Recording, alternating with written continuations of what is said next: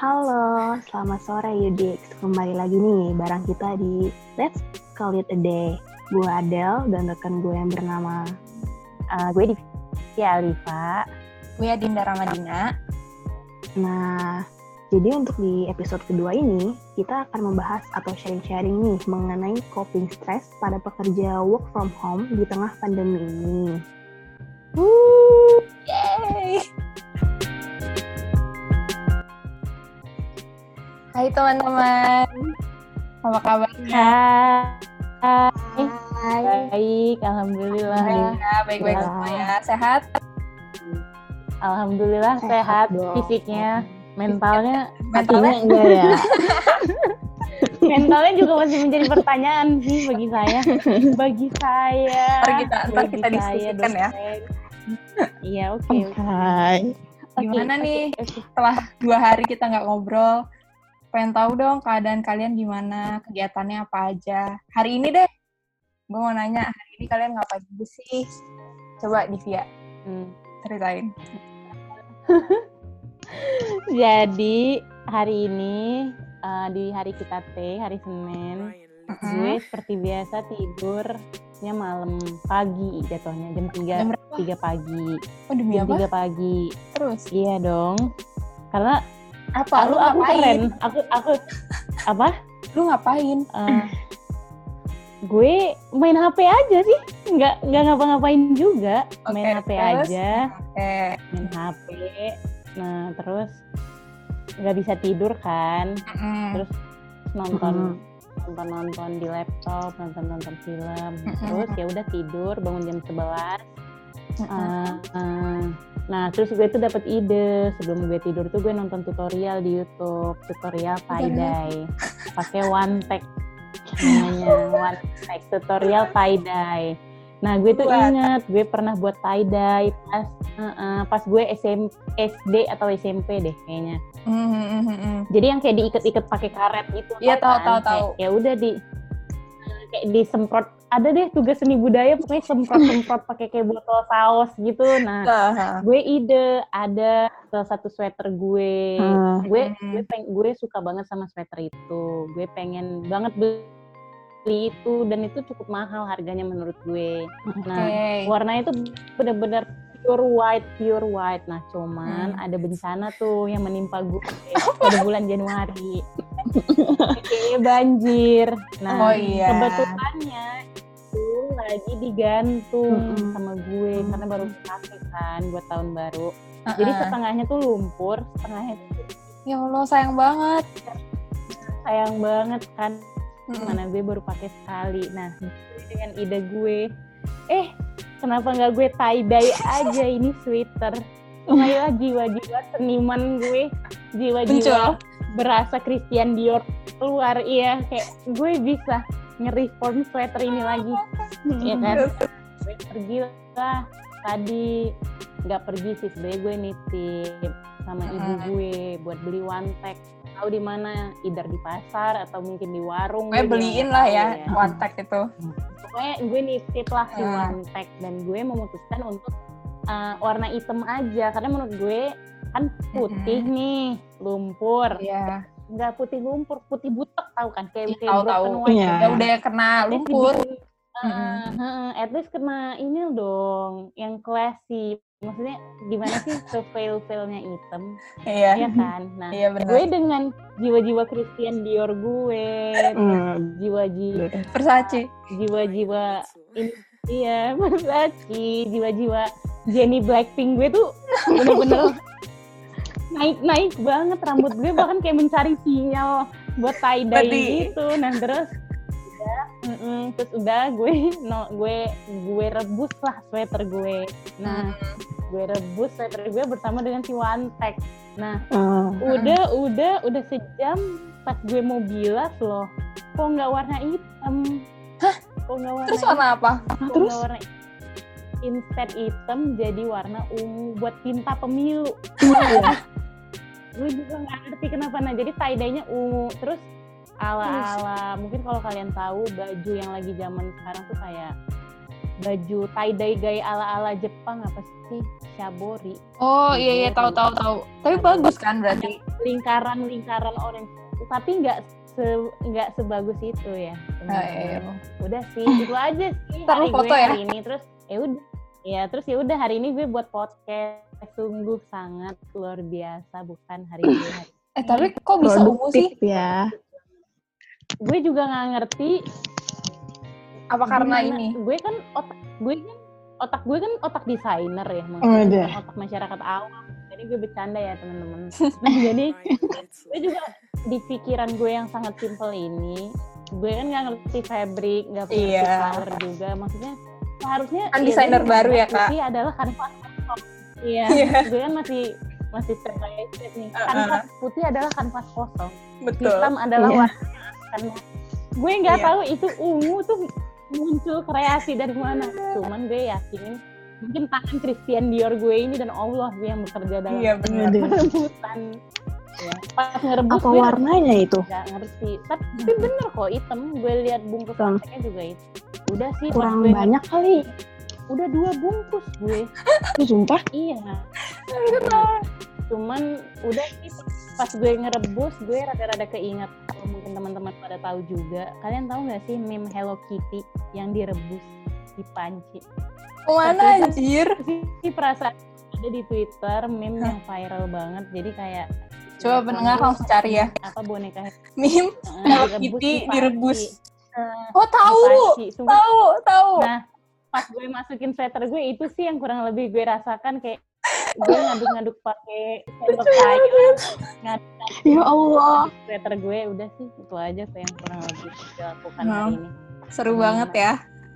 Seru banget, Bener-bener seru banget. jiwa seni lu sih. keluar sekarang. Iya, Keluar dari kopi dan stres gue tuh langsung hilang gitu. Gue tuh langsung Fun. gitu. Keluar, Iya, iya. fun. Gue langsung hilang gitu. Coba Adel dong cerita. Adel coba. Wah. Hari ini sih gue nggak seseru ya main pandai. Gue malah nggak apa-apa banget. Ngerjain. Skrip ya ampun. Ampun. Luar biasa. Beda banget Emang hebat sama banget ini sama dia ya. podcaster podcaster Beda ini. banget. Hamin besok, Eh. Bu. Sisa Hamin berapa ini saya baru ngerjakan Ini bab satu. Hah, Oh, bab satu apa? skrip. Oh, Skrip, skrip, oh, skrip. oke oke enggak enggak. Skrip, bukan ya, bab. teman-teman. Ya Allah, gue udah FOMO banget. selain Iya, iya. Ya, maaf ya teman-teman. Jadi gue nih berkecamuk banget nih gue dalam hati gue. Jadi gue terus jadi skripsi, jadi skrip. Jadi gue udah kayak maafin aja sih. Ya, gue. Kayak, gue juga udah kesulitan gitu. Ya, Iya. lanjut, lanjut teman-teman. Terus? Ya, kayak gitu aja sih. Bikin skrip seharian. Malah, Oh. Kagak ada yang lain lagi. keren keren keren keren. Terus bangun jam berapa, Del? Salut sih. Pagi ya? Hmm. Kayak dia deh yang paling yang paling awal Oh. muncul di grup. Iya, iya. Kayak Antara iya. kita bertiga gue deh. Kayak udah pasti nggak sih? Kayak udah Iya. pasti nggak sih? Ada Ada juga tahajud kan? kan setiap hari. Iya. Hmm. Kenapa? Adel juga tahajud setiap hari. Amin. Amin, ya. Witir, subuh, duha. Sehari Subhanallah, kali sholat. Amin. Peres lu. Amin, amin. Amin ya Allah. Oke. Kalau gue hari ini seperti biasa gue bangun siang. Hmm. Padahal gue udah alarm jam Pastinya. 12 an. Tapi kayak Hmm. bangun tetap jam 10. Kok bisa? Nggak tahu. Kok bisa? Jadi Udah ya udah tuh. Hmm. Terus tadi tubuh lo tuh nggak mau bangun gitu. nggak tahu kayak gue padahal udah alarm jam Gila, ya. 12. Karena kan gue baru tidur jam 5. Kan. Hmm. Oke. Iya. Gue kan kayak Terakhir kirim editan ya. editan, ngirim editan. Terus habis itu kayak gue akhirnya bangun tuh. Bangun Hmm. jam 12, eh jam 10. Terus Mm-mm. ngapain lagi ya gue hari ini? Makan. Terus gue tidur lagi jam 4, jam 3. Terus tuh Hmm. bangun sebelum maghrib, makan. Udah deh, Hmm. naik podcast. Wah, So fun. Hari Keren. keren, so fun, so fun. Kayak rutinitas yang hampir setiap hari empat bulan gak sih lo Iya. itu gak sih? Bener. Iya kan? Gak ada yang berubah sih sebenarnya. Gue gak ada kayak ide untuk Iya. kayak buat pot, eh buat apa namanya tie dye, Ada. Nggak ada. Nggak ada tuh punya. Virtual photoshoot. lo tuh nggak ada berkekamu. Nggak ada. Cooking cooking class nggak ada. Nggak ada. Nggak ada. Nggak ada. Buat ada. TikTok juga nggak ada gitu. Eh tapi Keren kalian sih. ada gak sih yang yang sekarang malah jadi suka kayak apa sih masak-masak atau apa gitu? Ada nggak? Yang sebelumnya kegiatan yang nggak nggak sering dilakuin tapi sekarang jadi suka banget Hmm. dilakuin. Coba Nggak ada. Del. Kalau gue sih kalau masak masak ya gue masuk kayak cuman gue tuh Mm-mm. kayak nonton tim nonton tapi nggak Mm-mm. Ngepraktekin Oh. Jadi kayak oh iya ini mudah ya ini YouTube tutorialnya kayaknya gampang deh Oke. tapi udah gue step doang gue screenshot doang Oh. Jadi lu screenshot doang tapi nggak lu praktekin ya? Iya. iya nggak gue praktekin kayak- niatnya mau beli bahan kan Oke. ya Heeh. terus udah nyampe udah keluar nih eh malah jajan yang lain Ya Jajan apa emang biasanya? Ini kayak ala-ala tahu nggak sih teman-teman btw apa? Ibu yang suka nyimpen menu di Iya, Saling bener. share, tapi sebenarnya nggak ada ngapain aja. Share ya mam. Tapi nggak ngapain juga gitu. Oke, Bener, Oke, bener. lanjut terus. Terus Del. Ya gue itu doang sih. Kayak cooking class cuma nggak macam-macam ya. Nggak kayak bikin tiktok apa segala macam enggak Oh. Oke. Tapi kayak menu-menu TikTok yang baru gitu nggak nggak lu coba ya? Kayak gue waktu itu nih nyokap gue saking so idenya, Hmm. lu tahu nggak sih yang nasi nasi KFC? Nasi tahu KFC. dong tahu dong Tahu. Dia Tahu dong. buat. terus gimana rasanya Enak sih. Cuman maksudnya kayak kan jadi ada menu-menu baru ya setelah kuarantin ini. ada sih ada sih ada sih gue Iya kan? Banyak unik sih. Jadi iya banyak jujur banyak unik. banget yang Kayak orang-orang benar-benar bosen ya. unik. Iya, iya kayak iya. iya. Kayak muncul dengan terobosan resep gitu. Bener. kan. Terus benar benar benar. mungkin ngomongin tadi bosen, apa aja? Kalau misalkan kegiatan kalian sehari-hari ini kan ngomongin hari ini ya. Kalau sehari-harinya ngapain aja tuh? Coba dong ceritain. Coba dulu deh. Gue dulu, dulu deh oke kalau sehari-hari sih mostly waktu gue sekarang sekarang ini sih fokus gue ke magang dan skripsi sih cuman eh, skripsi gue belum gue kerjain karena eh, target gue prioritas utama gue sih sekarang lagi magang aja sih di di Iya, iya. .id Asik. Hmm. mana tempat kita sedang Itu prioritas. sekarang di mana iya di mana podcast ini memiliki Muncul. rumah ya kan? Iya. muncul mana lahir nah udah sih mostly gue ngerjain project individual gue tapi kebetulan Hmm. juga udah selesai Hmm. udah sih gitu-gitu aja masak tapi gue juga kayak Adele sekarang Mm-mm. malah ya udah nonton aja tapi nggak dikerjain Iya. itu kayak gue enjoy cooking itu cuman kayak sebelum lebaran di awal-awal Oh, iya, aja di awal-awal euforianya ya. tinggi Mm-mm. Kan parah banget tuh. Heeh. sekarang gue kayak gue aja bangun tuh jam 11, jam 12 Jadi udah males ya? Ya kan? Heeh, sekarang sih gue lebih aspire to be a designer sih sekarang. Ada. katanya gue juga side day Oh, amin. kecilan sih gue. Amin. Gitu aja sih. Gimana gimana kalau kalian? Gimana Adel Kalau gue sih sehari-harinya ya ngerjain kerjaan magang dari Hmm, video, banget dari sih. kampus, sama mau ngerjain skripsi juga kan. Cuman ya kendalanya males bu, mut-mutan itu loh, nunggu mut-mut itu loh sekarang. Oh, iya, Jadi iya. ada susah. Mm-mm. ya produktivitas rendah banget ya Syaida Adela akhir-akhir ini ya iya sih Iya. kayaknya. Gue kayak kalau enggak kalau enggak deadline gue nggak bakal ngerjain ya. Oh, Berarti kalian juga- gitu. kalau sekarang. Kalau kalian berarti ngambil skripsi juga ya?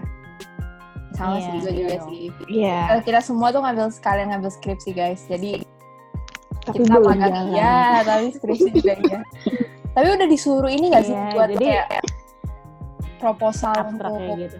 Iya. Ya, Udah, udah. udah disuruh. Tapi ya, Tapi ya, udah sih, belum tapi- buat ya udah gitu aja sih. So far maksudnya oke gitu. Oke, siap jalankan gitu. Tapi nggak nggak jalan-jalan. jalan makanya udah minggu depan ya, perlu guys. banget nih psikoedukasi tentang produktivitas. Sumpah, perlu banget, perlu banget. Iya, kita harus cerita Wah. sih itu. Episode Aduh, selanjutnya. ngobrol. Ya.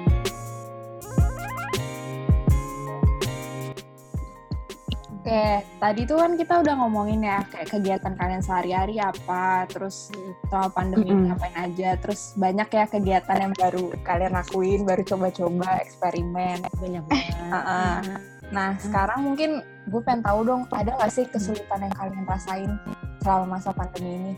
Kan nggak semuanya pasti fun ya, nggak semuanya pasti seru-seru aja. Pasti ada kayak kesulitan namanya juga keadaan baru kan. Coba dong mau tahu Mm-mm. apa aja sih Hmm. kesulitan yang kalian rasain dari Divya deh. Oke, gue kayak selalu jadi ini ya. kami. jadi pem Iya kan lu jadi kambing hitamnya ya. lu yang paling banyak cerita Oke oke oke. Oke, Jadi eh, kesulitan apa ya? Kalau kesulitannya sih pribadi eh, selain pendidikan, gue juga jadi merasa kesulitan dalam ngehandle diri gue eh, gimana ya? Gue menyimpulkannya. Perilaku konsumtif gue sih makin menjadi-jadi sih selama pandemi ini. Mm-mm. maksudnya eh, eh, secara kita tahu dan gue rasa semua orang juga sama kan? Kita nol pemasukan ya. Iya. Iya. tapi pengeluaran luar biasa. Banget. Luar biasa. Eh, karena perusahaan juga berusaha memberikan diskon sebesar besarnya nih untuk mendapatkan keuntungan di tengah-tengah pandemi ini Iya, jadi benar. dia kan benar-benar menurut gue baik yang online mau yang Offline. offline, mau yang gede Hmm. mau yang cyber eh, pasti diskonnya tuh gede-gedean banget nah banget gue sendiri emang jujur sebelum pandemi juga gue emang suka belanja dan emang suka beli hal yang gak jelas sih tepatnya. sebelum pandemi ya. dengan Ini udah ada udah terjadi iya itu Hmm. maksudnya itu agak agak agak agak bikin concern sih sebelum Mm-mm. pandemi aja udah kayak ya Allah nah setelah pandemi tuh jadi ya Allah astagfirullahaladzim gitu jadi makin lah makin makin maksud gue Ah, kayak eh, gue baru nemuin nih ada fitur-fitur baru di Shopee kayak yang sebelumnya gue tuh nggak tahu kayak Shopee Pay Oh. Later. Oh iya, Iya. ada. itu Gue tuh banyak baru- banget promonya Shopee Pay Later itu kan kurang lebih kayak kartu kredit online kita gitu ya. Iya benar. Mm-mm. Gue itu karena kan bayar langsung pakai PIN literally kayak kita debit gesek. Nah, itu tuh nggak kerasa Iya. spendingnya karena gue merasa oh saldo gue belum berkurang. Saldo actually saldo real gue di Di situ. di debit gue Iya. Mm-mm. pas udah bayar gue kayak ya ampun ternyata gue jadi big spender nih pas pandemi itu gitu sih maksudnya Hmm. kesulitan-kesulitan dalam kontrol Diri lu Perilaku sendiri gue. ya. ah, perilaku belanja gue terus juga Hmm. emosi gue jatuhnya gue agak nyari kayak seolah-olah bahasanya apa ya pelampiasan ke stres Hmm. gue ini Iya, iya. Hmm. akan pendidikan gue akan tugas akhir gue Hmm. judul gue banyak hal-hal yang gue tegangin gue lampiasin ke oh ya belanja belanja belanja belanja belanja Oh, padahal jadi lu konsumtif. iya padahal- jadi gue konsumtif dan Hmm. gak ada gunanya sih maksud Hmm. gue kalau dipikir-pikir beli baju juga gue nggak akan keluar keluar juga Bener. gue apa juga nggak ke mana-mana juga sih Hmm. itu sih kalau gue kesulitan yang gue alamin sih Oke. Kalau Adele? Iya. kalau gue sih kesulitannya eh, masalah sosial lah kayak interaksi karena kan gue kan orangnya emang nggak terlalu banyak ngomong ya sebelum pandemi Iya, itu Sudah itu pandemi. Bener. setelah pandemi makin lah gue nggak ngomong-ngomong lagi Astagfirullahaladzim. Kayak gimana tuh nggak ngomongnya? Maksudnya sa- apa sama keluarga lu? ngomong. Enggak, maksudnya kan kayak enggak kayak nggak ada temen buat ngomong langsung gitu Hmm. loh. Ya meskipun ada fitur-fitur online ya cuma rasanya kayak beda gitu loh Iya apalagi kalau di teks ya kan Hmm. terus juga mood gue juga naik turun jadi kayak Oh iya iya. gampang Gue juga- emosi gitu loh karena Iya iya. orang yang kita lihat tiap hari kan itu itu aja ya Iya. iya iya itu bener banget jadi kayak gampang lebih sensitif sih gua Hmm. Iya ya ngerti ngerti. Kalau Dinda gimana? Gue mungkin sama sih ya kayak gue tuh waktu itu sampai pernah kayak kayak ngechat lu atau ngechat siapa gitu. Pokoknya gue pernah Hmm. tuh waktu itu sekali kayak padahal nggak ada masalah apa-apa ya, cuman mungkin gue stres Oke. banget ya sama kayak Hmm. permasalahan kayak skripsi, terus juga pada saat itu magang kita tuh nggak jalan kan, maksudnya nggak ada yang Oke. kayak nggak ada yang bener gitu loh waktu pada saat Iya, itu. iya. Menurut gue di Belum ada hidup gue, lah ya iya dan gue juga gue orangnya tipikal yang nggak terlalu suka di chat sebenarnya. Gue lebih suka nelpon atau oh ketemu sama orang Ketemu. secara langsung. Iya, Hmm, jadi hmm. kayak gue nggak terlalu suka balesin chat. Gue nggak terlalu suka Hmm. ngobrol di chat. Karena kan gue nggak bisa lihat emo, maksudnya kayak apa ya, kayak intonasi orang. Terus juga gue nggak bisa ekspresi ekspresinya, iya. Jadi kalau gue nggak gue cerita pun gue ngerasa kayak nggak nggak nggak bakal nyampe ke orangnya gitu nggak nggak tahu deh. Ini kayak perasaan gue doang.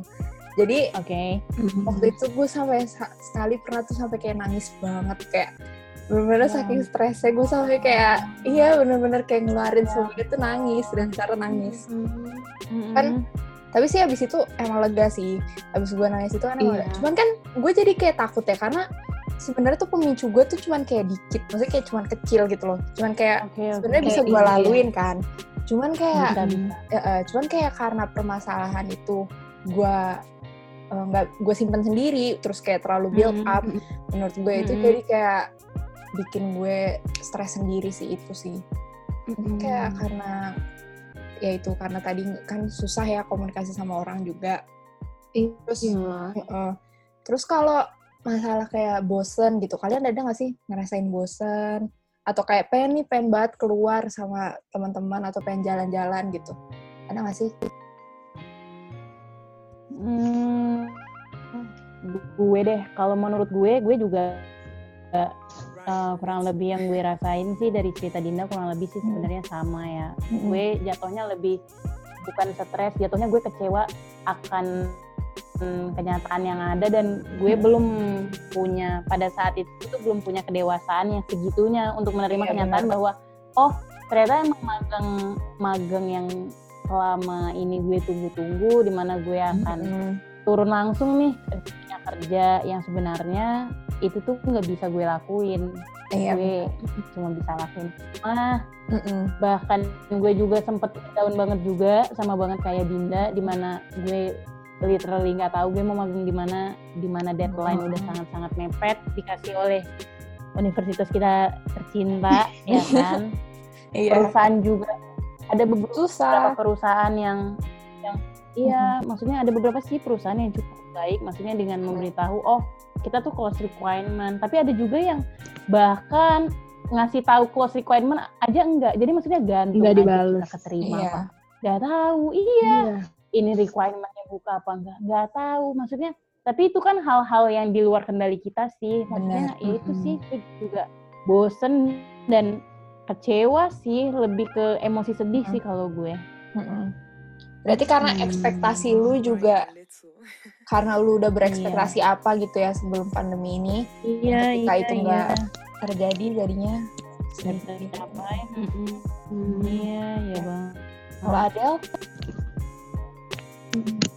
Kalau gue sih bosan ya pasti ya, cuman Hmm. kadang ada niat gitu loh. Ayo dong ngajakin teman-teman di grup nih, Hmm. kita keluar jalan gitu. Kayak Hmm. kayak pengen ngebrontak aja gitu loh kayak ayo dong sekali-kali nggak apa-apa keluar gitu loh. Iya toh Oke, oke. mall juga sepi itu pernah kepikiran ya gue. Nah, orang juga nggak Hmm. terlalu banyak yang keluar nggak apa-apa lah kita keluar gitu kayak pengen ngebrontak gitu loh kayak ya udah nih keluar eh tapi beberapa hari kemudian pengen keluar lagi jadi Hmm. kayak iya iya susah gitu loh buat diem di rumah oke. Mm-mm. Tapi tapi apa orang tua kalian berdua ngebolehin gak sih kalian kayak keluar-keluar gitu hmm. Enggak, enggak sih Enggak sih. sebenarnya kayak tuh. Lu nggak? Enggak, kalau gue sih enggak dan gue kalau gue sendiri kan jujur gue emang orangnya parno juga ya maksudnya Mm-mm. tanpa adanya maksudnya kita kan beda-beda banget ya semua Iya, orang iya. cara copingnya maksudnya Mm-mm. kalau ada sendiri justru pengen keluar kalau gue justru sama sekali nggak pengen keluar jadi ketika Mm. di mana ada anggota keluarga gue yang keluar gue tuh jadi Takut. super sensitif eh, eh, super Hmm. takut banget maksudnya kayak ini bawa hand sanitizer maskernya dong mas Iya. Iya, iya. Ah, kayak anggapan dengan ayah gue hanya pengen lari di komplek aja gue suruh pakai masker Mm. padahal pasti engap banget kan Iya. lari pakai masker Hmm. kayak gitu sih kurang lebih kalau gue jadi kayak cenderung kebalikannya dari si Adel sih kalau gue Hmm. Mm. Kalau gue justru ya beda sih sama Divya kalau orang tua gue ya emang nggak ngebolehin kan kalau emang nggak seizin itu cuman Mm. Kayak sebulan sekali buat keluar belanja ya nggak apa-apa lah. Cuman gue tuh kayak Mm. mending gue yang keluar daripada orang tua gue oh. Oh, iya ngerti. gue mikirnya gitu. Karena juga lebih riskan ya. iya karena juga kan orang tua gue kerjanya di bidang medis ya. Jadi kayak udahlah Oh iya. keluar buat kerja ada yang lain. Udah gue yang keluar iya. Ya ampun. Bokap lu apa Del? Makanya- dokter? Eh kayak perawat sih tapi Hmm. bantu-bantu di puskesmas Iya. ngerti ngerti ngerti jadi kayak guys. udahlah kalau kerja nggak apa-apa gitu Hmm. oke Eh, jadi tadi kan kita udah ngomongin nih kesulitan yang kalian rasain masing-masing, baik Adel, Mm-mm. Mm-mm. ya. Mungkin sekarang kita Mm. mulai masuk ke kesulitan kan nggak maksudnya nggak bukan kita doang nih yang ngerasain kesulitan ini kan semuanya juga Iya. pasti lagi susah-susahnya terus juga penyesuaiannya pasti nggak segampang itu juga jadi mungkin Mm-mm. pasti juga mereka Iya. maksudnya pendengar mungkin atau masyarakat lain juga pasti punya kesulitannya masing-masing. Nah ini sih di sini Hmm. ada artikel, salah satu artikel eh, yang menyebutkan apa aja sih kesulitan yang ada di tengah masyarakat ini gitu selama pandemi. Eh, mungkin yang pertama tuh ada Hmm. kecemasan. Nah hal tersebut disampaikan oleh anggota Satgas COVID-19 Psikolog Jawa Barat bernama Amalia Darmawan. Eh, menurut Amalia ini penyebab gangguan mental yang dialami masyarakat era pandemi COVID-19 disebabkan karena perasaan ketidakpastian yang menyerang pikiran mereka. Itu sama nggak sih sama kita tadi kan? Awalnya kan kita kayak ada ketidakpastian, terus juga kayak Hmm. ketakutan ya kan? Iya. Eh, kejadian ini belum pernah kita hadapi sebelumnya dan tidak ada yang pernah tahu kapan semua ini akan berakhir dan seperti apa setelahnya. Hal tersebut memunculkan berbagai persepsi yang tidak menentu di dalam pikiran kita. Dan juga kita dihadapkan oleh banyak kebiasaan baru yang benar-benar berbeda drastis dari kehidupan normal sebelumnya. Jelas Amelia. Nah, ini mungkin sama kali ya sama yang apa yang kita rasain sekarang gitu. Mhm. Gue merasa relate banget sih. terus habis itu Iya. tadi kan ada yang bilang eh, ke- perasaan ketidakpastian. Pernah nggak sih kalian ngerasa kayak eh, perasaan itu dan juga kalian eh, apa ya ada kayak pikiran nggak kira-kira nih kapan sih apa namanya berakhirnya gitu? Gimana sih pendapat kalian tentang, tentang statement itu? Coba mungkin dari Adi. Kalau gue sih awal banget ya Hmm. waktu masih di Malang, Mm-mm. gue ngerasain ketidakpastian itu. Iya, Karena gue tuh mikir, oh yaudah balik nih ke tempat asal kan. Gue tuh optimis kayak oh udahlah paling sebulan dua bulan kelar bisa balik lagi ke Malang kuliah lagi. Jadi ada pikiran Jadi gue bawa, uh kayak bentar aja lah ini kelar gitu lah Hmm. karena mungkin cepet lah ada vaksinnya segala Hmm. macem jadi Hmm. akhirnya gue cuma bawa sedikit barang-barang balik itu loh dan ternyata kenyataannya sampai sekarang kan kita masih nggak tahu kapan ini akan berakhir gitu loh yang Iya. ada sekarang malah semakin banyak kasus kan semakin meningkat gitu loh Mm. itu sih yang gue rasain Kalau Divya, sama sih gue juga, juga merasa ketidakpastian dalam hmm, dalam banyak hal sih kalau gue Mm-mm. biasa gue dengan Pemikiran. seribu Iya. seribu Keparnoan. pemikiran gue uh, keparnoan gue kalau gue tuh eh, ketidakpastiannya yang pertama banget sama sih kayak Adele maksudnya ini kira-kira tuh kapan selesai ya maksudnya gue mikirin banget ini gue mau skripsi gimana Iya. gue akan cepat atau lambat gue akan harus mengambil data. Gimana nih cara gue bisa ngambil data dan turun lapangan Iya. sebagainya? Terus juga barang-barang gue yang ada di Malang. Karena jujur uh, gue juga nggak berekspektasi selama ini tapi tapi gimana? Terus kalau masalah mikirin ini kapan berakhir apa enggak itu selalu gue pikirkan baik sebelum tidur maupun sesudah tidur sih. Maksudnya setiap gue baca berita di sore hari di mana gugus tugas udah merekap semua total case hari. Maksudnya gue nggak melihat ada perubahan ada penurunan tren covid sih malah maksudnya di nambah ya. Indonesia so far. Maksudnya Hmm. malah nambah kesadaran awareness dari masyarakat kita juga.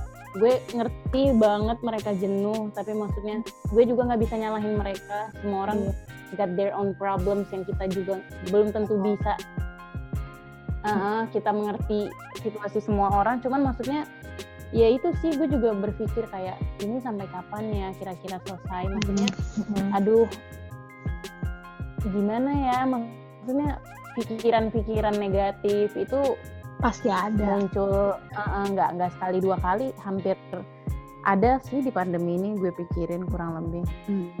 kalau Dinda gimana? Kalau gue mungkin sama kali ya, itu kayak Hmm. pikiran kapan ini berakhir gitu. Awalnya sih gue kayak positif Hmm, kayak hmm, ah paling hmm, eh, hmm, bener kayak sama kayak ada paling sebulan dua bulan Hmm. udah kelar gitu. Apalagi kan di Malang hmm, waktu itu hmm, hmm, suspek Iya. gitu kan.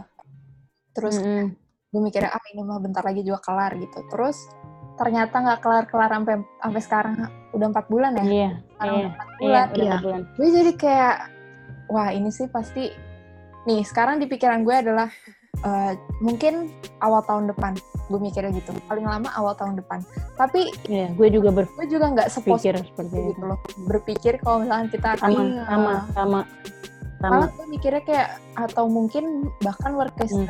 skenario nya adalah kita harus live with gitu. Jadi kayak yes yes mau nggak mau yes yes yes. dengan virus ini gitu kan dan iya eh, iya iya ngerti ngerti Hmm. membuat gue mikirin masa depan gue juga kayak ntar cari kerja gue gimana ya berarti gue sekarang udah merubah mindset gue berarti pekerjaan gue nanti akan berorientasi sama Hmm. online hal-hal yang berbau sama online kan iya iya iya Iya, Iya. berarti akan work from home Hmm. iya berarti akan lebih Hmm. banyak eh, berarti gue harus cari perusahaan yang kayak gini-gini. Gue udah mulai mikirin kayak gitu. Udah nggak ada kayak mungkin dulu Hmm. dulu impian gue adalah membuka praktek sendiri. Dulu. Iya. Dan ikut tes Sama. saya. S2 sama banget. buka praktek sendiri. Cuman Mm-mm. melihat sekarang gue juga harus mikir berarti praktek nanti gue yang gue buka gak bisa gue buka secara eh, apa sih maksudnya kayak biasa gitu jadi kayak harus Mm. mungkin atau gue nanti ikut halodoc atau apa maksudnya daftar halodoc atau apa iya iya iya jadi Iya, jadi iya, iya, mindset iya. gue gitu kan karena yang gue lihat penghasilannya banyak di situ gitu banyak iya di online ini Online. Hmm. di remote working ini Iya, Hmm. sampai bokap gue pun bokap gue ini kan kontraktor ya. Dia jadi Hmm. maksudnya perusahaannya bergerak di eh, apa sih kayak dia jadi kayak insinyur lah. Jadi yang kayak ini Hmm. listrik dan sebagainya. Eh, iya. ini kan proyek ya baik proyek. Dan proyek kan baik terhenti kan. Karena iya pasti karena pasti. ini. Susah juga cari proyek baru. Bangunan-bangunan yang nggak ada yang bakal buka Hmm. sampai nanti lah gitu kan. Jadi dia juga Hmm. udah mulai mikirin bisnis lain gitu bisnis lainnya adalah kayak platform online juga yang kayak buat bimbel online atau apa gitu jadi kayak iya iya semua orang tuh punya pemikirannya udah udah udah harus diubah kan karena betul betul Hmm. betul betul betul ini betul betul Banyak yang banting setir ya. iya Jadi. benar banyak yang banting setir terus juga Hmm. berarti kecemasan itu kalian rasain di awal-awal ya Ap- apa masih sampai sekarang tuh kalian ngerasain kecemasan itu Masih, masih sih sampai, sekarang. cuman mungkin kalau gue pribadi gue udah kurang lebih jadi tahu sih menghandle perasaan itu maksudnya gue udah eh, bahasanya apa ya gue sudah bersama-sama dengan kecemasan gue ini Mhm. dalam rentang waktu yang menurut gue yang udah nggak sebentar lagi udah empat bulan tuh menurut gue udah bukan masa yang Bentar. masa yang singkat sih jadi gue juga udah be- berusaha mencoba menerima bahwa ya memang ini kenyataannya kita emang harus live with it maksudnya there's nothing we can do about it sih kalau gue Hmm, benar sih. Oke. Kita harus menerima keadaan ini mau gimana pun gitu. ya berusaha menerima keadaan Mm-mm. tersebut sih. Benar. Oke. Terus mungkin gue bacain lagi. Ini juga ada kesulitan yang di tengah masyarakat lagi, merasakan beban kerjanya bertambah. Nah, beban Hmm. kerja yang dirasakan bertambah ini karena adanya Hmm. hambatan dalam beberapa hal, yaitu kesulitan diskusi dengan rekan kerja. Terus juga tugas-tugas beralih dan lebih bebas, sehingga memerlukan time management yang baik. Terus tugas Mm-mm. pun bisa lebih banyak, dan metode yang digunakan untuk menyelesaikan tugas tersebut berubah. Jadi yang tadinya mungkin offline ya, sekarang kan jadinya online. Mm-mm. Nah, Terus hal ini kemudian membuat individu menjadi kewalahan hingga akhirnya mengalami burnout atau kayak kesusahan itu ya, stres itu. Nah mungkin eh, kalau kalian ada nggak sih ngerasain ini? Kan kita magang nih, magangnya juga online semua full. Ada nggak ngerasain kesulitan yang sama gitu? Ada? Hmm, Tadi Via? ada sih. Kalau gue sih lebih ke diskusi ya, diskusi dengan rekan kerja atau time management gue itu loh yang berantakan banget. mm-mm. Kalau diskusi itu kayak se- sekarang ya, Mm-mm. karena kan kita nggak face to face kayak online jadi kita kalau mau diskusi kita nunggunya lama iya iya banget iya. banget banget conversationnya tuh nggak langsung gitu nggak gue Iya, gue tanya lo jawab Iya. gitu iya benar. enggak jadi kayak kita harus nunggu orang itu dulu baru kita lanjut jadi kita kayak nunggu kepastian dia dulu gitu loh Iya. iya iya Iya, iya, Tapi ngerti, kalau ngerti. menurut gue sih kalau kita bertiga sih cepet ya. Maksudnya kayak ada satu yang iya ada satu yang ngobrol di, maksudnya ada satu yang muncul di line, yang lain kayak langsung muncul gitu. iya Cuman mungkin tang tang tang gitu iya ini bukan kita kok nggak maksud gue mungkin sama yang ini kali ya, sama yang maksudnya yang di yang petinggi-petinggi gitu lah. Yang harus iya. kita kabarin itu Iya. agak dosen iya. Kalau di Via,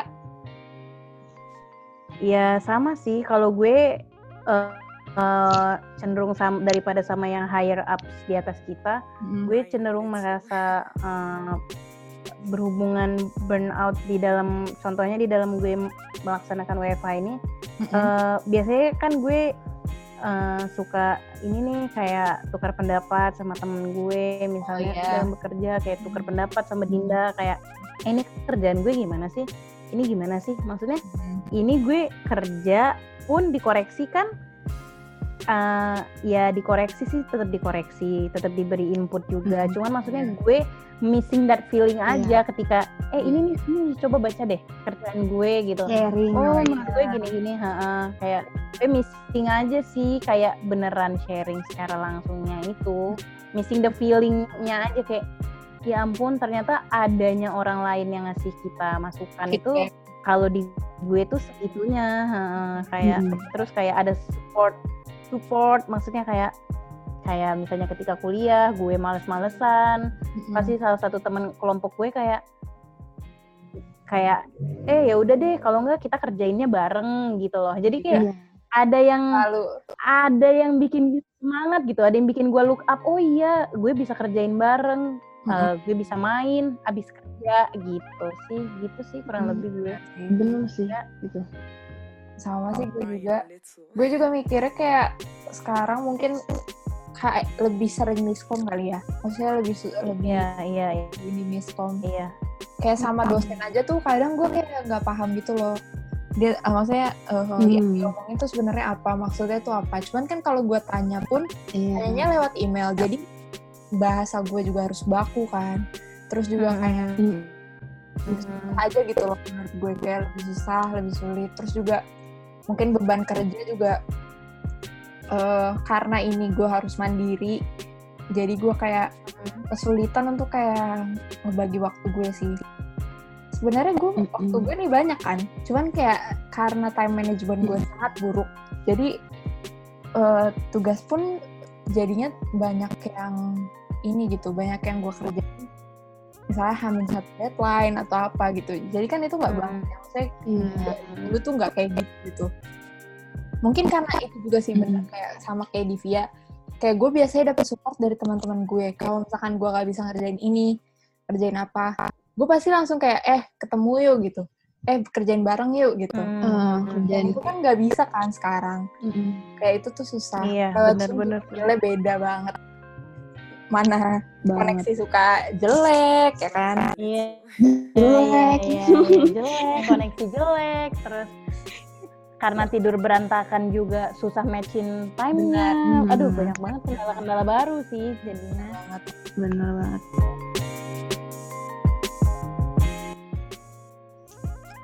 Oke, jadi mungkin tadi kita udah udah cerita, cerita tentang permasalahan yang kita rasain, juga permasalahan yang ada di tengah masyarakat, ya kan. Sekarang eh, tadi kan permasalahan itu bisa menimbulkan stres ya akhirnya kita bakal jelasin sih jelasin yeah. dulu kalian stres itu tuh apa terus juga gimana hmm. sih stres itu uh, terutama stres kerja ya jadi mungkin gue langsung jelasin aja jadi stres atau stres kerja itu merupakan penyakit global yang biasa yang bisa melanda siapa saja setiap saat baik laki-laki perempuan kaya atau miskin tidak terkecuali ada juga tokoh dari psikolo tokoh psikologi bernama Koprianov dan juga Zanov menyatakan bahwa stres yang ada saat ini adalah sebuah atribut kehidupan modern. Hal ini dikarenakan stres sudah bisa menjadi bagian hidup yang tidak ter terelakkan. Baik di lingkungan sekolah, kerja, keluarga, atau di mana pun, stres bisa dialami oleh seseorang. Stres juga bisa menimpa siapa pun, termasuk anak-anak, remaja, dewasa, dan yang sudah lanjut usia. Fakta menunjukkan bahwa dalam lingkungan kerja di mana seseorang berada, sebagian besar pernah mengalami stres, meski pada tataran yang paling ringan sekalipun. Kata stres sering kali digunakan untuk menunjuk gejala atau fakta yang kadang tidak sama sekali bahkan beda sama sekali. Misal, bagi sebagian orang, kata stres itu digunakan untuk menunjukkan pada sesuatu keadaan fisis yang tengah dilanda berbagai tekanan, yang tidak tertahankan dan melampaui batas ketahanannya. Stres merupakan tanggapan patologis manusia terhadap tekanan psikologis dan sosial, baik dalam hubungannya dengan pekerjaan maupun lingkungan sekitarnya. Jadi itu mungkin kalau misalkan gue uh, jelasin lagi, jadi stres itu tuh adalah perasaan tekanan yang dirasakan oleh uh, seseorang ini akan bisa menimpa siapa pun, hmm. bisa remaja, dewasa, anak-anak, uh, di lingkungan apa aja. Tapi uh, untuk stres kerja hmm. ini lebih uh, sering uh, sering terjadi ya di lingkungan pekerjaan. Hmm. Meski pada tatarannya ringan sekalipun, mungkin kayak tadi uh, kita beban kerjanya terlalu banyak gitu misal, terus kayak time managementnya buruk. Itu akhirnya kan walaupun permasalahan itu permasalahan kecil tapi kalau misalkan ditumpuk-tumpuk terus akhirnya jadi beban kan buat kita. Jadi pikiran buat kita. Betul jadi, betul betul betul. Iya stres itu. Mungkin lanjut uh, berdasarkan uraian tersebut uh, yang udah Dinda utarain juga bisa kita simpulin tuh bahwa stres kerja itu juga merupakan suatu transaksi atau sebuah hasil dari sumber-sumber stres kita dengan kapasitas kita yang berpengaruh terhadap respon kita uh, apakah respon yang akan kita munculkan itu respon positif ataupun negatif mm -hmm. seperti itu. Mm -hmm. Lalu ada dua faktor penyebab nih atau sumber munculnya stres ataupun stres kerja. Hmm. Yang pertama ada faktor lingkungan kerja dan yang kedua ada faktor personal. Jadi kalau faktor lingkungan kerja ini dapat berupa kondisi fisik, manajemen kantor maupun hubungan sosial di lingkungan pekerjaan. Hmm. Kalau dalam pandemi ini nih, contohnya itu dengan kesulitan berkomunikasi hmm, sehingga dapat ya. menimbulkan miskom yang uh -uh, cukup sering atau menunggu ACC atau apa pun hmm. itu. Sedangkan dalam faktor personal bisa berupa kayak kepribadian individu itu sendiri, peristiwa atau pengalaman pribadi, ataupun kondisi sosial ekonomi keluarga, di mana pribadi berada dan mengembangkan diri. Dalam masa pandemi ini, contohnya itu mungkin dengan kondisi pribadi selama pandemi, bagaimana individu itu mengurus dirinya, memanage waktunya, ataupun memanage kecemasan yang dia rasakan. Hmm. Mungkin juga kondisi dari sosial ekonominya kan semuanya berdampak ya. Mungkin juga kondisi Iya. sosial ekonomi dari dari keluarganya, terus atau ekonomi yang menurun itu juga bisa menyebabkan Hmm. stres dan akhirnya juga merambat ke stres ke kerjanya juga. Oke. Terus permasalahan-permasalahan di tengah pandemi ini eh, tentu dapat menjadi pemicu stres muncul. Perlu ada penanganan yang baik akan hal ini. Jadi perlu ada coping yang baik dalam hal ini. Coba deh gue tanya dulu Iya. sebelum kita masuk ke topik selanjutnya itu coping stres. Eh, kalian ngerasa nggak sih Hmm. kalian bisa memanage stres kalian dengan baik? Coba dari Divya dulu mungkin. Eh, untuk gue yang sekarang sih eh, gue nggak tahu ini berpengaruh atau enggak cuman karena gue juga udah cukup lama nih jadi mahasiswa psikologi Hmm. Asik. Ya. jadi eh, kurang lebih gue jadi lebih tahu sih sekarang maksudnya di umur gue yang sekarang gue jadi lebih dan karena kondisi hal karena kondisi gue yang mahasiswa juga gue jadi oh lebih tahu nih kalau kira-kira gue udah mulai ngerasa aneh nih dengan diri gue. Katakan misalnya gue udah mulai "Hmm, kayak gue jenuh deh atau "Ih, kayaknya gue nggak enjoy nih dalam satu pekerjaan. Kayaknya gue lebih tahu oh eh, gue tahu nih nyalurinnya ke mana. Kayak gue tetap memegang tanggung jawab itu. Gue tetap akan menyelesaikan pekerjaan itu secara tuntas. Cuman Hmm. gue tahu nih gimana nih cara gue untuk mengontrol atau apa ya bahasanya kayak lebih lebih lebih kenal diri gue sih gue tahu Lebih oh what aware to ya. do what not to do Hmm. tahu eh, eh, tahu juga kayak misalnya gue lagi nggak mood kerja oh gue tahu nih harus gue harus mundur dulu gue harus mikir dulu Hmm. harus nonton nonton yang fun dulu kalau mungkin di gue ya Mm-mm. untuk nge-tone down stress level gue itu sih kalau Hmm. gue. Oh. Adel? Kalau gue sih bener ya kata Mm-mm. Divya.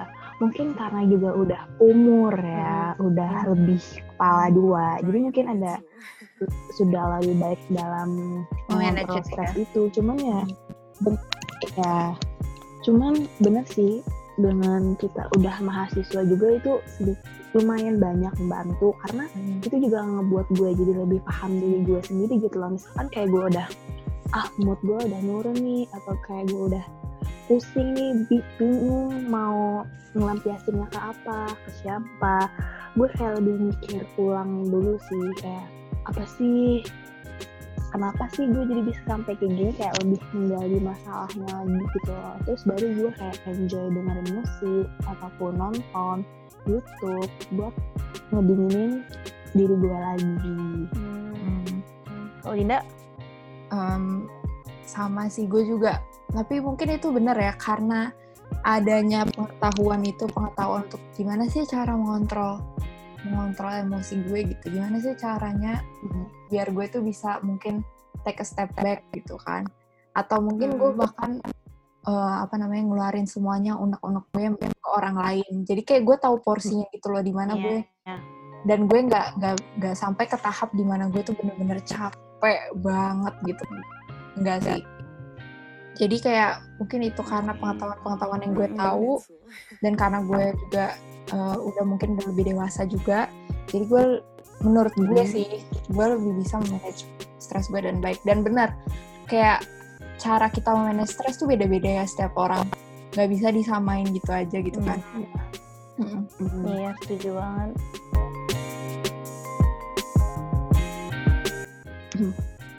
Eh, eh, sekarang mungkin kita tadi kan kita udah ngomongin gimana cara memanage stres yang baik, terus juga gue udah nanyain juga sama Adel nih gimana caranya mereka eh, manage stres mereka sendiri dan apakah coping mereka tuh udah baik atau belum. Nah, buat para pendengar yang mungkin baru baru tahu istilah coping tuh apa sih?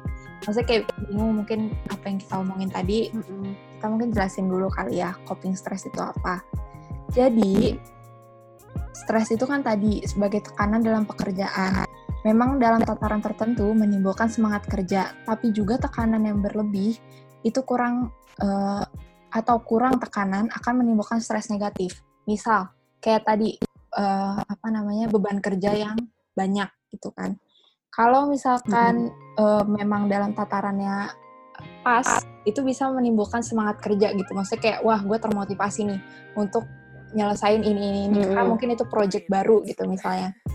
Tapi kalau tekanannya itu berlebih, uh, kayak misalkan dia dia dikasih project baru tapi nggak dikasih caranya untuk uh, apa namanya menyelesaikan project itu gitu gimana caranya nggak dibimbing lah itu kan jadinya yeah. bisa jadi stres yang negatif ya Jadinya upaya untuk mengelola mm -hmm. stres itu penting dengan prinsip bagaimana mengelola stres yang tadinya negatif menjadi stres yang positif kayak tadi menjadi penyemangat kita. Sehingga ancaman dapat dimodifikasi menjadi tantangan. Oke? Okay? mm oke. Okay. oh ya jadi coping stres itu apa sih? Nah, jadi coping itu menyebabkan upaya untuk mengelola situasi yang membani, memperluas usaha untuk memecahkan masalah-masalah hidup, dan berusaha untuk mengatasi ataupun mengurangi stres. Nah, keberhasilan dalam coping ini berkaitan dengan sejumlah karakteristik, termasuk penghayatan mengenai kendali pribadi, emosi positif, dan sumber daya personal. Meskipun demikian, keberhasilan dalam coping juga tergantung pada strategi yang digunakan oleh individu itu sendiri dan bagaimana konteksnya. Mm. Relevan dengan perbedaan individu dalam setiap merespon situasi kan pasti berbeda-beda ya. Mm -mm. Nah, jadi dalam merespon situasi penuh stres merupakan konsep coping yaitu bagaimana orang berupaya mengatasi masalah atau menangani emosi yang umumnya negatif yang ditimbulkan.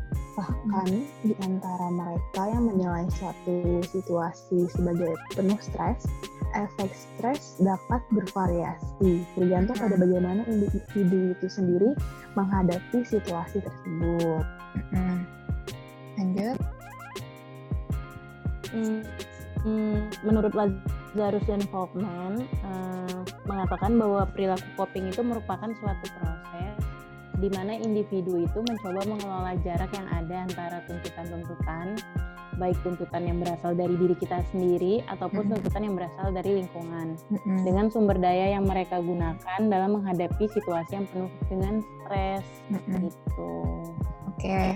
Hmm. Terus mungkin dari bentuk tadi kan tingkah laku tingkah laku terhadap stres tersebut uh, ada lagi tokoh uh, psikologi Taylor mengembangkan teori coping menjadi 8 macam uh, strategi coping yang tergabung dalam dua strategi yaitu problem focus coping dan juga emotional focus coping. Nah, mungkin uh, problem focus coping dulu kali ya. Itu terdiri dari tiga macam.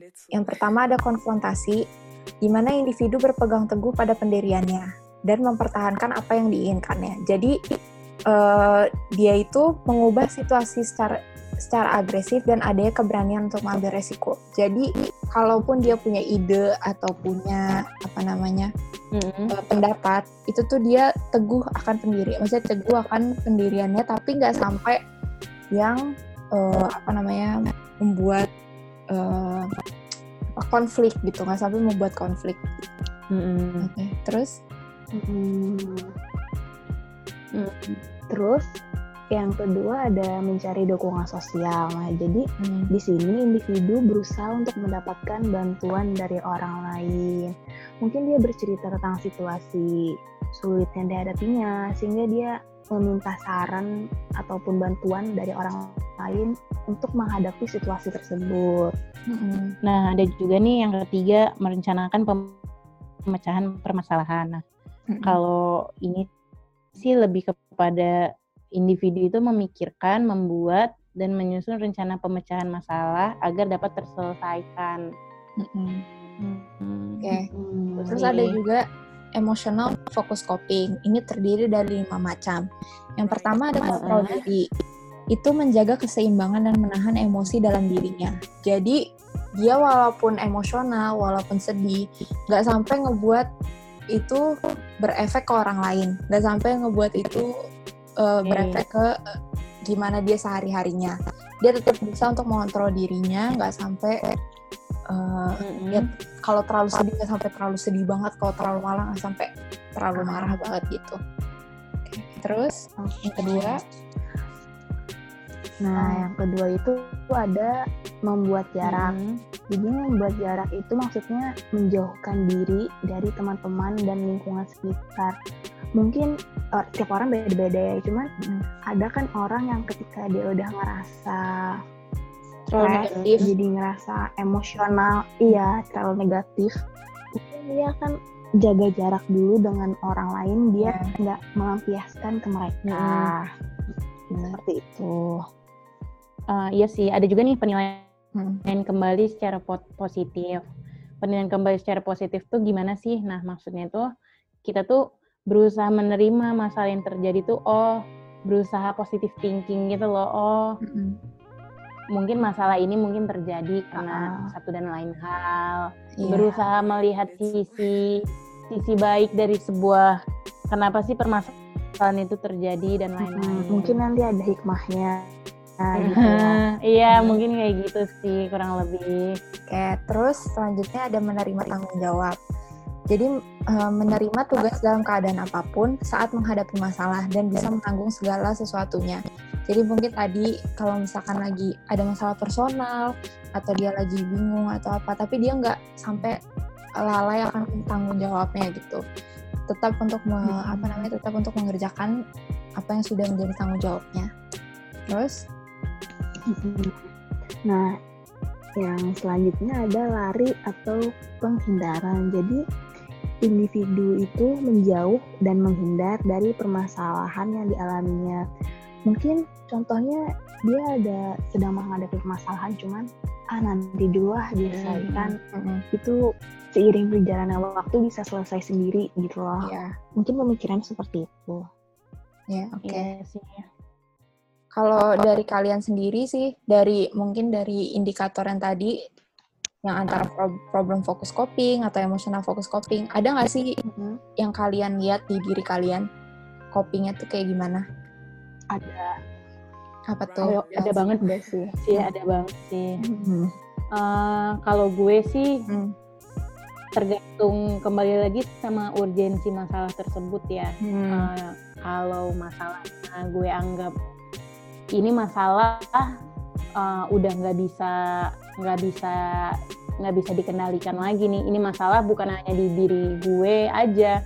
Ini masalahnya udah rotten di lingkungan tersebut. Gue cenderung akan memilih untuk kontrol diri dan membuat jarak sih. Maksudnya mm-hmm. gue akan cenderung menghindar menghindar atau involve lagi di dalam masalah tersebut. Masalah yang gue anggap udah di luar kontrol gue gitu mm-hmm. tapi ada juga masalah-masalah yang emang gue alami secara diri sendiri, gue sih lebih cenderung problem fokus coping, di mana gue nyari dukungan sosial, kayak kata yeah. Dinda, cerita sama teman, keluarin yeah. unek-unek, gitu sih kalau gue. Tergantung hmm. masalahnya kalau gue. Iya. Yeah. Kalau ada? Oh iya. Kalau gue sendiri ya, kalau gue campur sih. Sama sih masalah. nasi campur sih. nasi campur ya. kalau gue kalau kalau gue apa pun masalahnya pasti gue mencari dukungan sama membuat jarak. Cuma sama sama. Uh ketika gue udah redanya kayak udah emosinya udah reda gue pasti berpikir ulang kembali gitu. Eh bener gak sih gue kemarin kayak gini? Bener gak sih gue udah menghadapinya kayak gini? Mm -hmm. kayak pemikiran itu pasti ada gitu loh. Iya. yeah.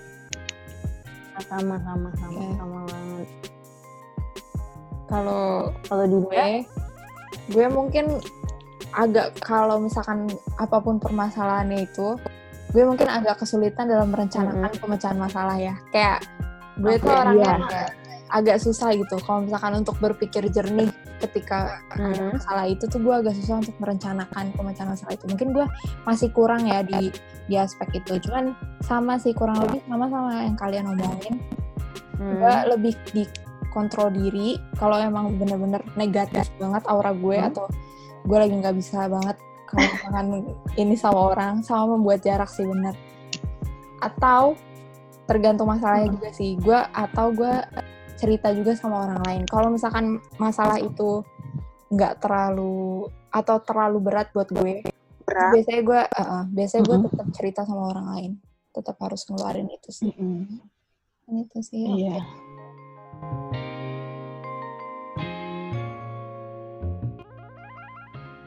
Oke, tadi udah kita udah tahu ya apa aja sih uh, uh, ininya dari coping, strategi coping itu gimana, Mhm. terus juga uh, coping itu apa, Mhm. stres itu apa.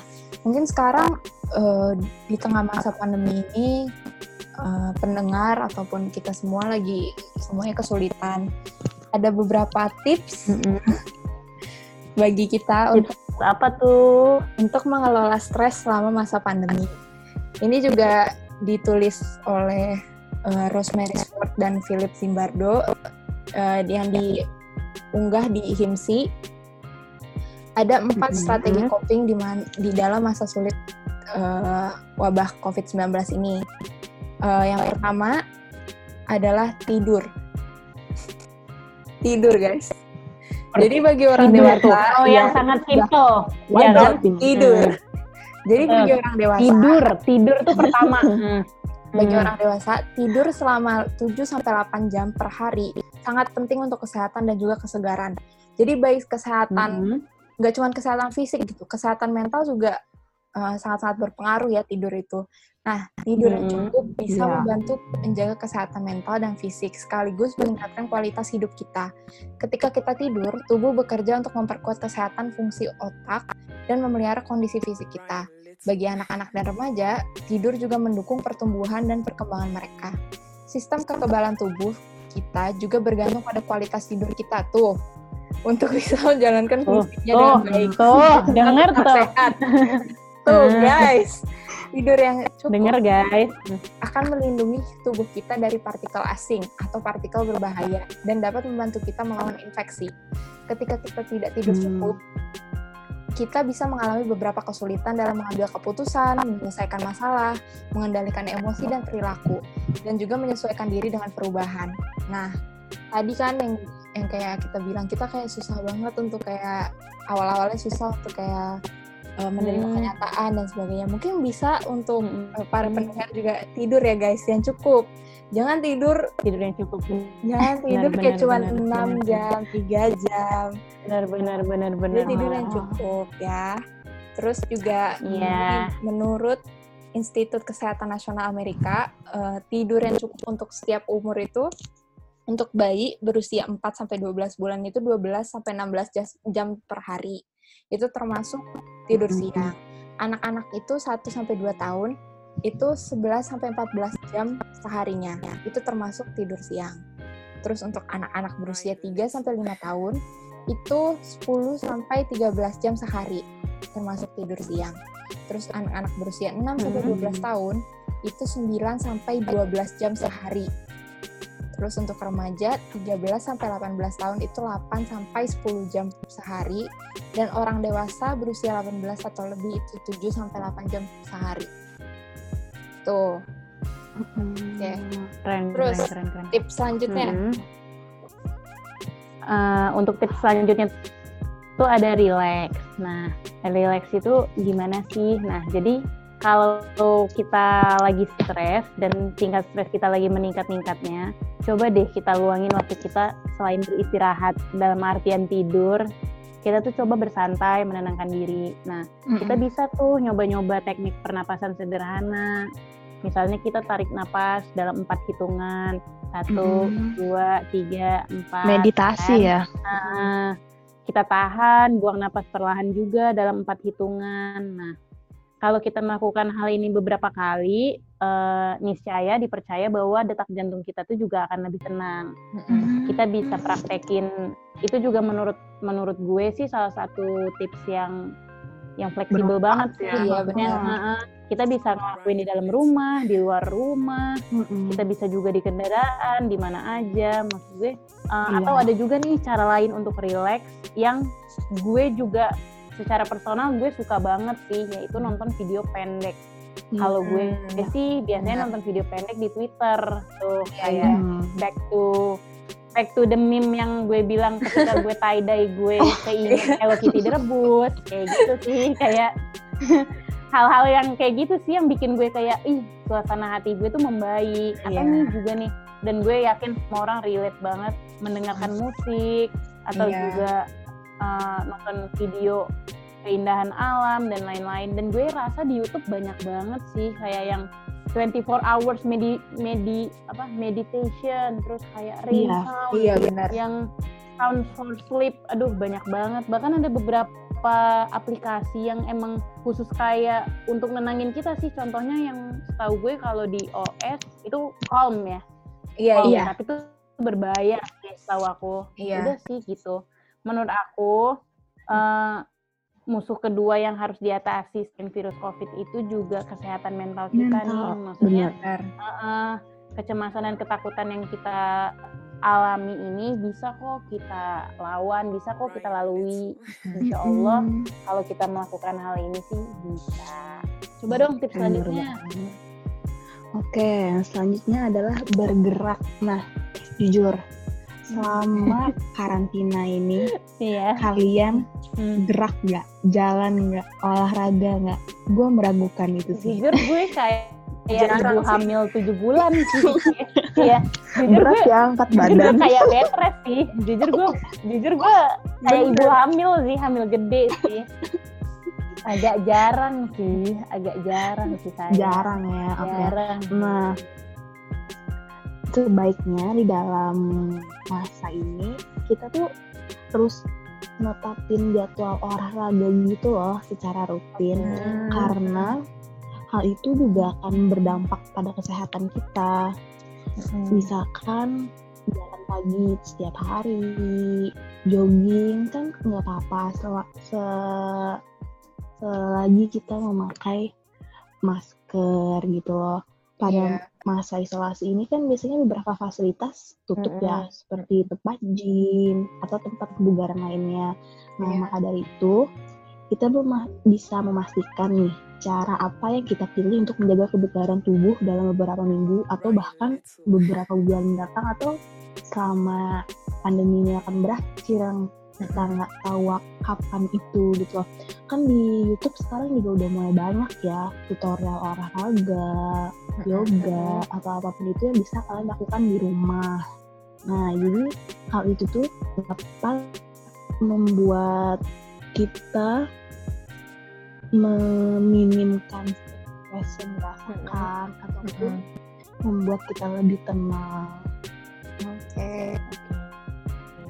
Selanjutnya tips terakhir ada terhubung secara sosial.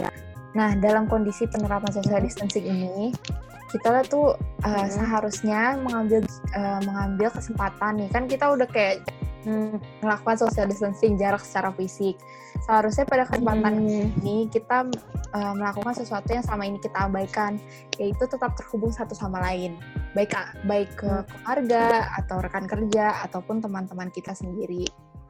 Terus juga kan Hmm. uh, maksudnya kayak dalam dalam kondisi seperti ini gitu ya yang yang uh, Heeh. semuanya bisa bisa aja, maksudnya Hmm. kayak semuanya beresiko gitu loh terjangkit Iya. virus ini. Iya. Seharusnya kita uh, apa namanya? uh, harusnya kita Hmm. tetap berkomunikasi dengan anggota keluarga kita, terus tetap tetap Oke. melakukan tetap melakukan Hmm. uh, ini tapi nggak usah nggak usah ketemu ketemu dulu guys. Jadi kayak tetap lewat Iya dong. ya Zoom kan Iya. sekarang banyak ya Online yang kita bisa ya. lakukan Banget sih, Kan, banyak kayak banget. WA call atau kayak Zoom. Waktu kalian ini juga nggak sih waktu Lebaran? Iya dong, kakek, yang- video Iya, call, hmm, video call. sama om, sama tante.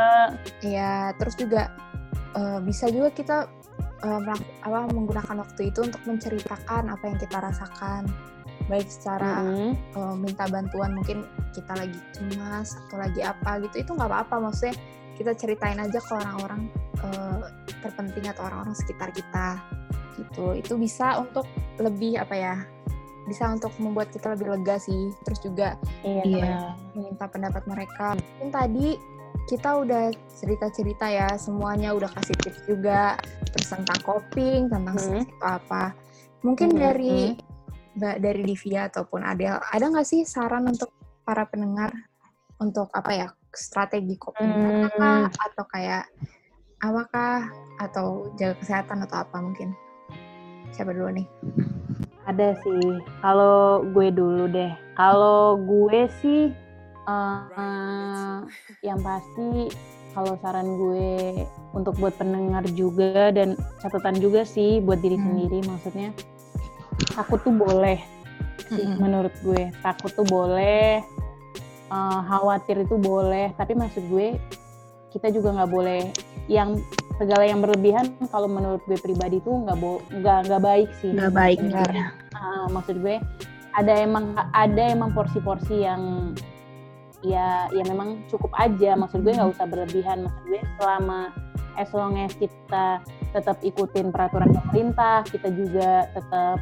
bertumpu pada apa ya berita-berita yang benar iya. pada scientific pada pada sains menurut gue insya Allah sih kita nggak apa-apa. Dan menurut gue juga kalau memang stres itu atau beban kerja atau apa pun yang lagi lo rasain sekarang sih menurut gue jangan sungkan-sungkan jangan pernah malu untuk professional help. Menurut gue iya nggak salah kok. Nggak nggak ada nggak ada nggak ada namanya kesalahan dalam seek for professional help maksud gue ketika lo Hmm. menganggap wah ini udah di luar di luar di luar kapasitas gue sih iya iya di luar kapasitas gue sebagai wah gue sepertinya butuh orang lain nih eh, dalam membimbing gue nih dalam pelan-pelan keluar dari permasalahan ini menurut gue silahkan banget sih lo bisa ke psikolog, bisa ke psikiater.